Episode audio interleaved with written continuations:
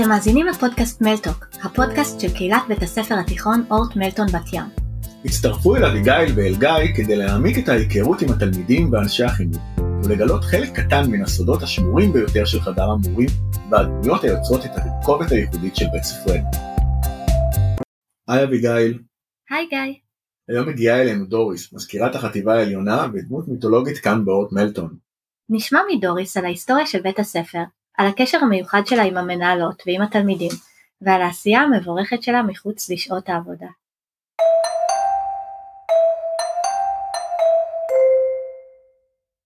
ברוכים הבאים לפודקאסט מלטוק, אנחנו נתחיל כהרגלנו בהקראת שמות. מרמרי אביגיל. נמצאת, גלב גיא. נוכח, למבז דוריס. כהן, דוריס כאן. כהן דוריס, אז יש לנו כבר סקופ. כן. אה, תסבירי לנו למה כהן? כשהגעתי לבית הספר הייתי נשואה, ועם הזמן, מן הסתם התגרשתי, וחזרתי לשם משפחה של הנעורים, ברוכים, שיותר התחברתי אליו. אז ברוכים הבאים, ברוכה הבאה אלינו, כהן דוריס. ברוכים ונמצאים. טוב דוריס, אז אנחנו ממש ממש שמחים ומתרגשים לארח אותך כאן. ולמרות שאין עובד או עובדת או תלמיד או תלמידה שלא מכירים אותך, אנחנו כן נשמח רגע שתעשי לנו סדר. אה, מה בדיוק התפקידים שלך בבית ספר ואיך הגעת לכאן, מתי הגעת לכאן? אני אשמח מאוד. וזה עצוב אם יש עוד מישהו שלא מכיר אותי אחרי 46 שנה באורט מלטון בת ים. וואו. כן, כן, כן. האמת היא שאני הגעתי, היה לי חבר טוב שהוא היה מנהל לשכת העבודה בבת ים. אני עבדתי בבית משפט בדובנו בתל אביב, ויום אחד אה, פשוט הנסיעות היו מאוד מאוד אה, אה, קשות לי בבוקר לנסוע, לא היה לנו אז רכב, אני ירושלמית במקור, התחתנתי ועברתי לבת ים. ואז הוא התקשר אליי יום אחד החבר הזה ואמר לי, יש איזו עבודה שהתפנתה, אמנם זה מישהי שיצאה לחופשת לידה, אבל אולי זה מתאים לך, אפילו לתקופה קצרה עד שנמצא לך משהו טוב. אגב, זה היה ב-20 לדצמבר 78, זאת אומרת בעוד שלושה ארבעה ימים אני סוגרת 46 שנה. וואו. וואו. וואו, ת- חיים שלמים. תזכירי לנו בין כמה בית הספר? עכשיו סיים מחזור נ"א, אה, נכון? כן, הבית ספר הוא היה מחזור אחד לפניי כשאני הגעתי. ואז באתי לכאן, זה היה חופשה, החופש של אה, חופשת חנוכה. קיבל אותי איזה מורה שהוא ממש היה סתם, אה, מורה מן המניין שהוא היה בעבודה פה בסדנאות, אז היה סדנאות של מכניקה, חשמל ואלקטרוניקה. ואמרתי, באתי, הצגתי את עצמי, הוא אמר לי, אוקיי, בואי למנהל, היה אז מנהל, שרוני, והגעתי לכאן, ומאז זה כבר היסטוריה. זה היה זמני ביותר, 46 שנה. בת כמה את היית אם מותר לשאול שהגעת לפה? לא חייבים, אבל אני אגיד, הייתי, כי תכף תעשה את הגיל ותראה בת כמה אני היום. כולם מוציאים עכשיו מחשבונים? אז זהו. אז הייתי בת 27, כן. מבחינת איך שאת נראית היום זה לא, לא נראה שונה בהרבה. אתה יכול לחזור על זה? לאלה שלא אנחנו? נעשה את זה ברפיטים. אז דוריס, אה, האמת היא שמסתובבת ככה בחדר המורים שמועה שאומרת שאם אתם רוצים באמת לגלות את תולדות בית הספר אז צריך לגשת אלייך. ועכשיו גם הוכחת לנו את זה מבחינת הזמנים שנתת לנו. אז איך באמת נראה בית הספר שהגעת לכאן ומהם השינויים שהוא עבר? האמת היא שכשהגעתי בית הספר היה בכלל מוכר כאורט מלטון בנים, אורט בנים, לא היו בנות אז, כי רוב המקצועות היו רק של בנים.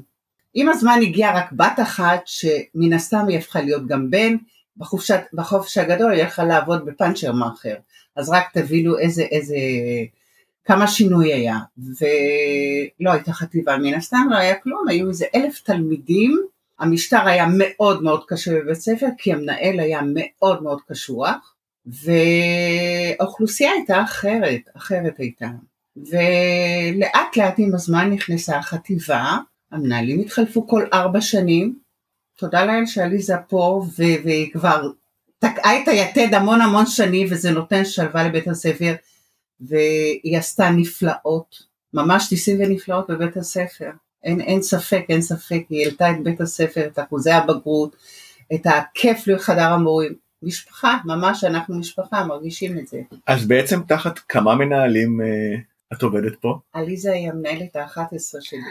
וואו, וואו. ואני חייבת לציין, היא האישה היחידה, כי כולם היו גברים. המ- או, המנהלת הראשונה של אורט מתוך כל מלטון בת ים, המנהלים. נכון. אה, המנהלת הראשונה בכלל של כן, אורט מלטון כן, בת ים. כן, כולם היו מנהלים. גברים. ועכשיו אם אני עושה חישוב רגע, אז עליזה נמצאת פה כבר כמה זמן?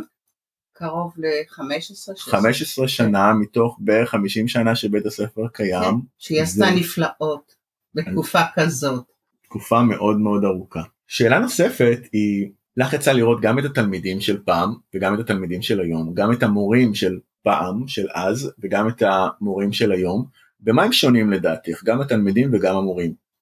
אה, זה משהו אחר לגמרי, כי התקופה השתנתה, הכל השתנה, כל ההתייחסות.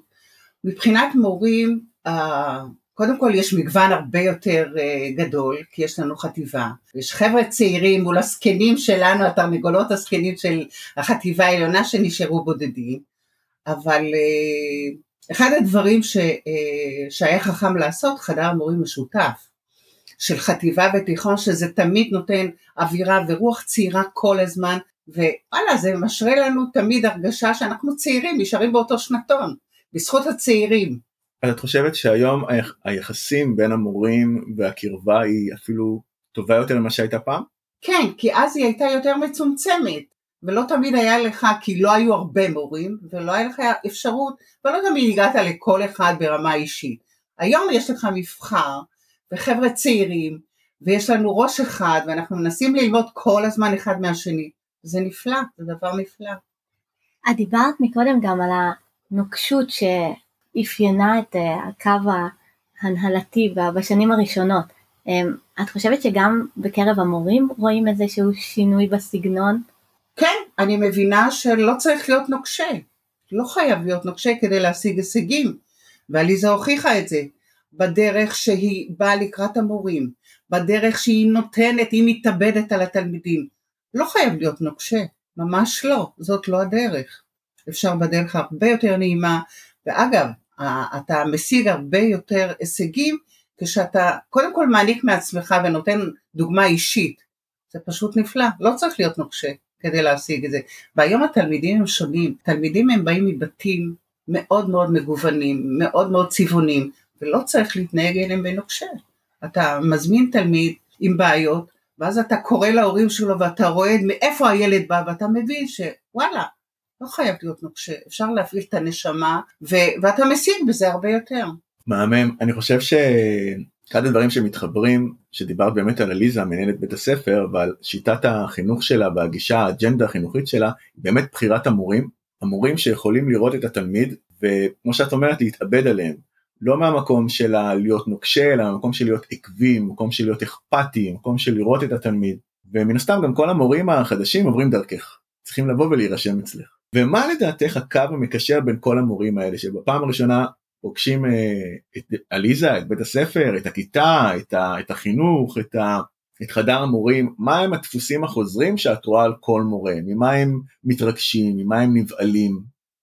אני רוצה להגיד, לא היה אורח, סלש מורה, סלש מועמד, סלש הורה של תלמיד, שמגיע לבית הספר ולא אומר, וואו, יש איזו אנרגיה טובה במקום הזה, וואו, כולם מקבלים אותי יפה, כולם מוכנים לעזור לי. אגב, החטיבה היא מדהימה, יוספה היא, היא מדהימה, היא נותנת שם את היחס ואת השירות לילדים, והיא עקבית.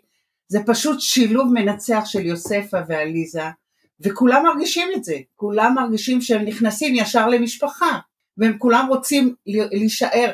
ואתה יודע מה, הרבה פעמים שמעתי שוואו, בבית ספר הקודם לא היה לנו את הדברים האלה.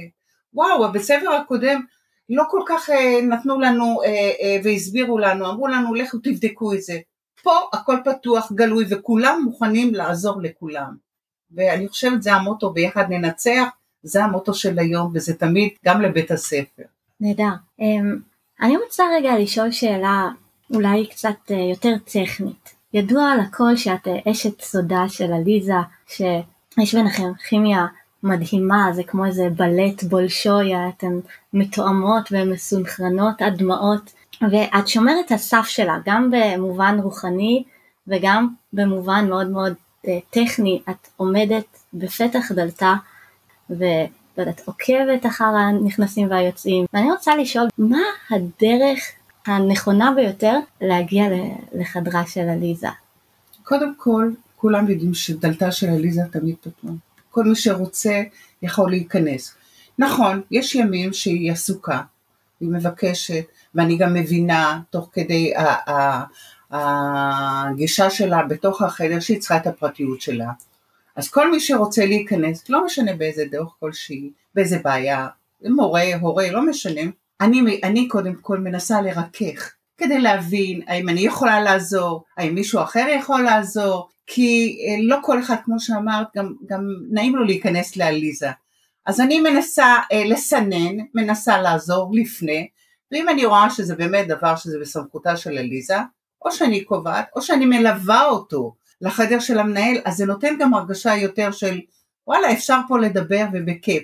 אגב, אחד הדברים שיוסף המנהלת זוכרת לי, שבימים הראשונים שהיא הגיעה, היא רצתה להיכנס לחדר של עליזה, והדלת שלה הייתה סגורה, ואני עמדתי כמו שומר סף, סלב כזה, אה, אה, אני עשיתי סלקציה, היא אמרה לי אבל אני המנהלת, אמרתי לה כן אני יודעת אבל עליזה מבקשת להישאר בפרטיות כרגע, והיא זוכרת לי את זה כל הזמן, כל הזמן.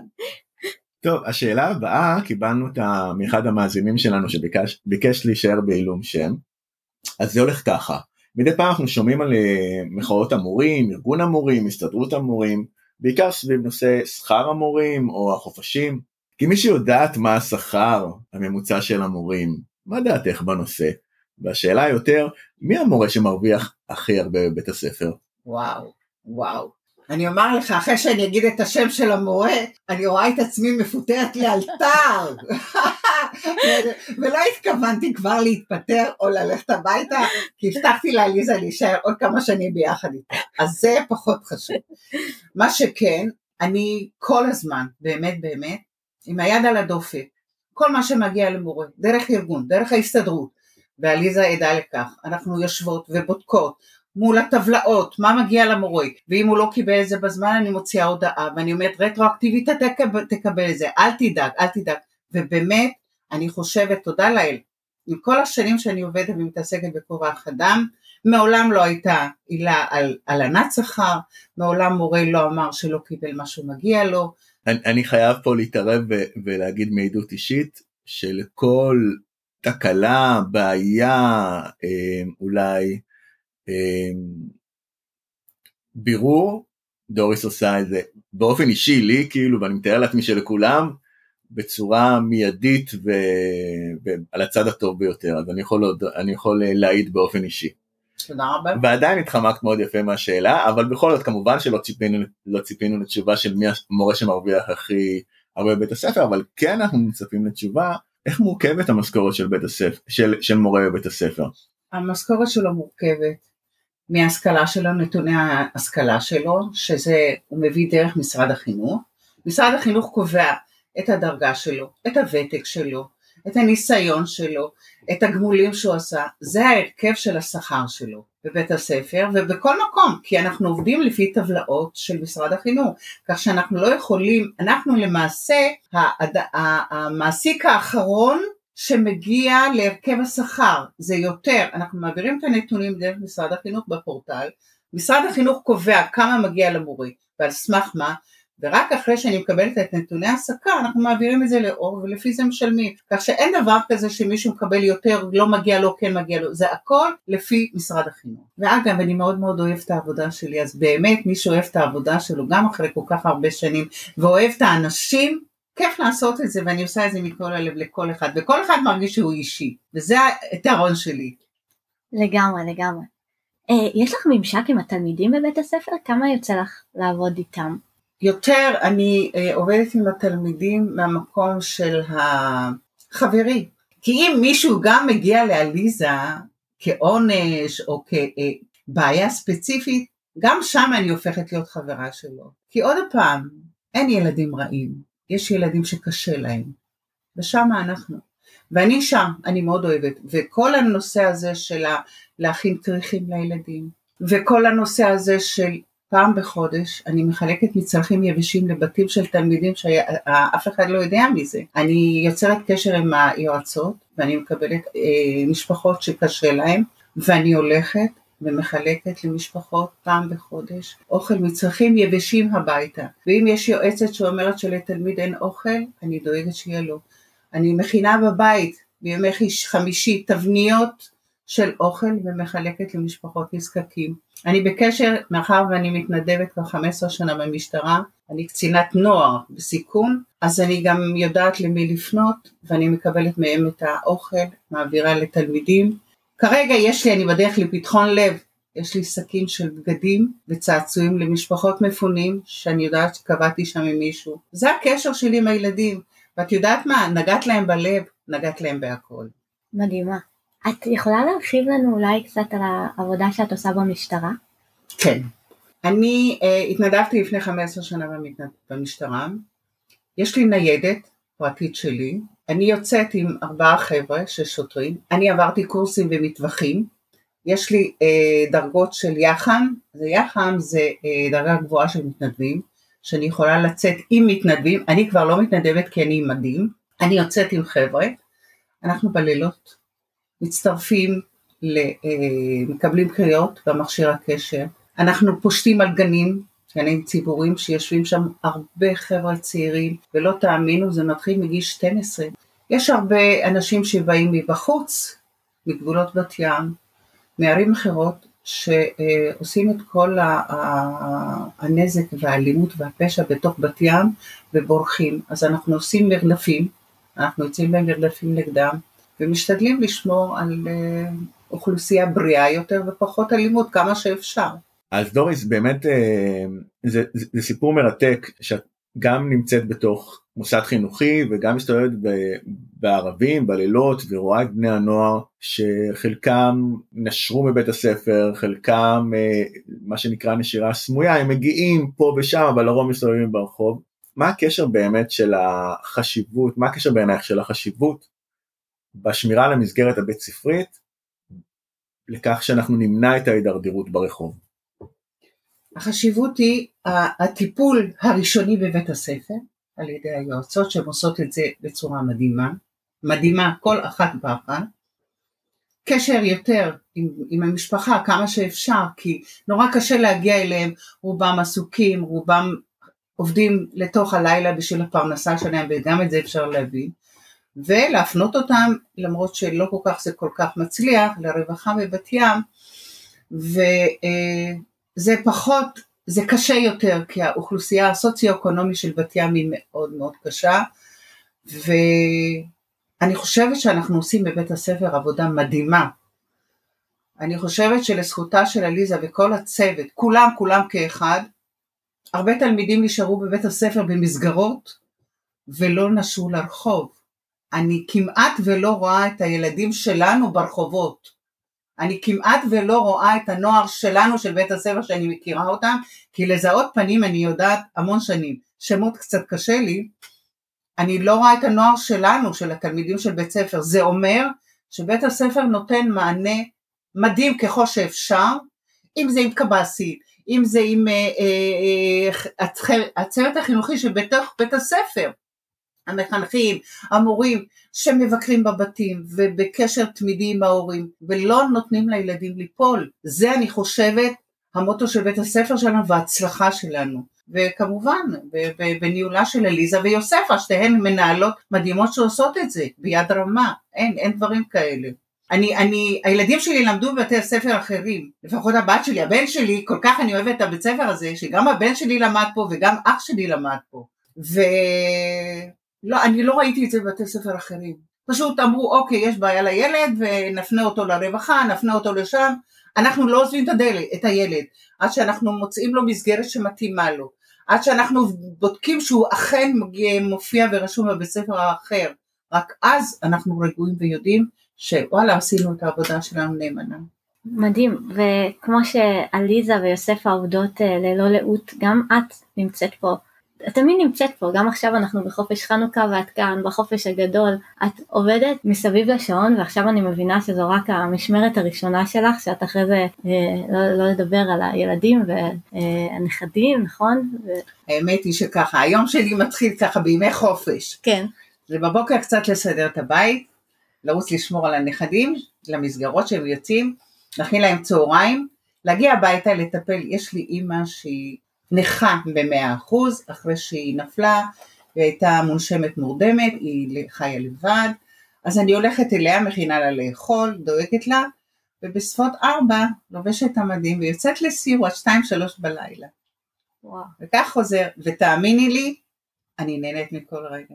לא הייתי מחליפה את זה בשום דבר, אם היו אומרים לי, מה היית עושה אחרת? שום דבר. כי אני חושבת שהיכולת שלי לתת, זו הקבלה שלי. ואני חושבת שאדם שיש לו את האפשרות לתת הוא מבורך. בלי לקבל, בלי לבקש תמורה. ואת התמורה תקבלי אותה ביום שתצטרכי אותה.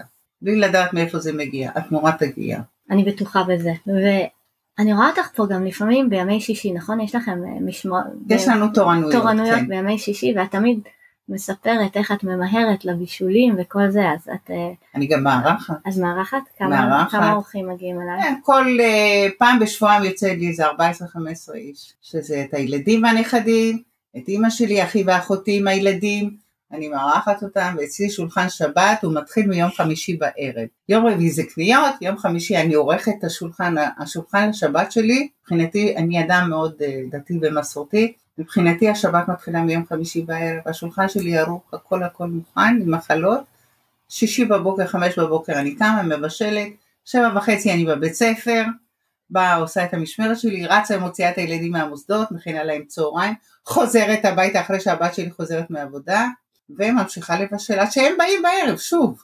וככה זה הולך. ויש לך איזו מומחיות, איזה מתכון שאת אה, חתומה עליו? האמת היא שכן, כבש, זרוע כבש. שנתתי את המתכון הזה להמון, וזה הצלחה מסחררת, אתם מוזמנים. אני אגלה שאביגיל אה, צמחונית, לא משנה, אני אני- אכין לה דגים.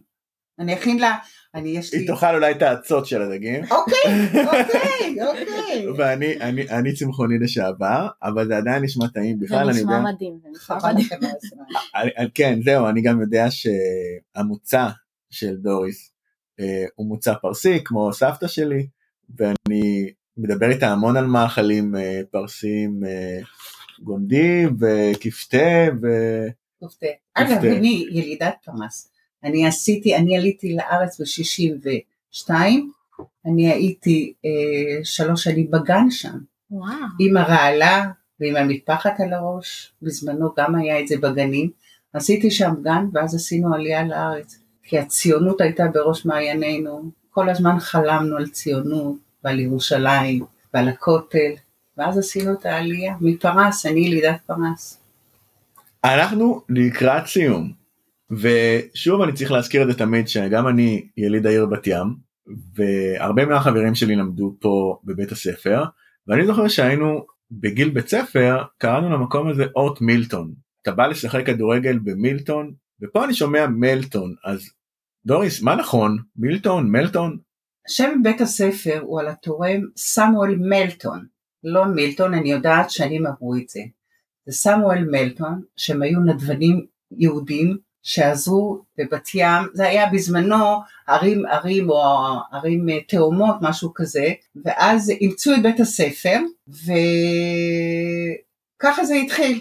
הם היו כל שנה, דרך הסוכנות היהודית, היו באים לבקר פה, הייתה הדודה, הבת הדודה שלהם, נורית בזמנו, היא הייתה איש הקשר מהסוכנות היהודית, היא הייתה באה איתם לארץ, ויש לי עדיין חמש דולר שהגברת מלטון נתנה לי, שעשינו לה חגיגה פה בחדר, בספרייה, עשינו לה ערב מדהים, היא הייתה, היא הייתה הכי מאושרת שבעולם, אישה מדהימה, והיא לי מתנה במעטפה, חמש דולר, עד היום אני שומרת אותו. מאיפה הם הם אה, מארצות הברית כן, הם אה, מארצות הברית של אמריקה כן. הדודים מאמריקה מה שנקרא הדודים הטובים, כן. כמה זה חשוב בימים האלה הדודים הטובים. גם לי יש דודים מאוד טובים באמריקה יש לך דודים באמריקה אביגיל? לי אין דודים באמריקה. אבל אה, מה הם הדודים של כולנו, משפחת לגמרי. מלטון. היום זה הדודים של כולנו, הדודים- מלטון. אין ספק. אבל אה, אלוהים שישמור על כולנו בכל מקום, איפה שאנחנו נמצאים. על החיילים שלנו, אמן. על הפצועים שלנו. אלוהים ייתן מענה לכולם. אמן. אה, בתפילה היפה הזאת נסיים ונודה לך מאוד מאוד ממעמקי ליבנו. אז תודה ענקית דורס שהגעת. העונג כולו שלי, נהניתי מכל רגע. חג שמח, חג מלא אור ושמחה. חג שמח.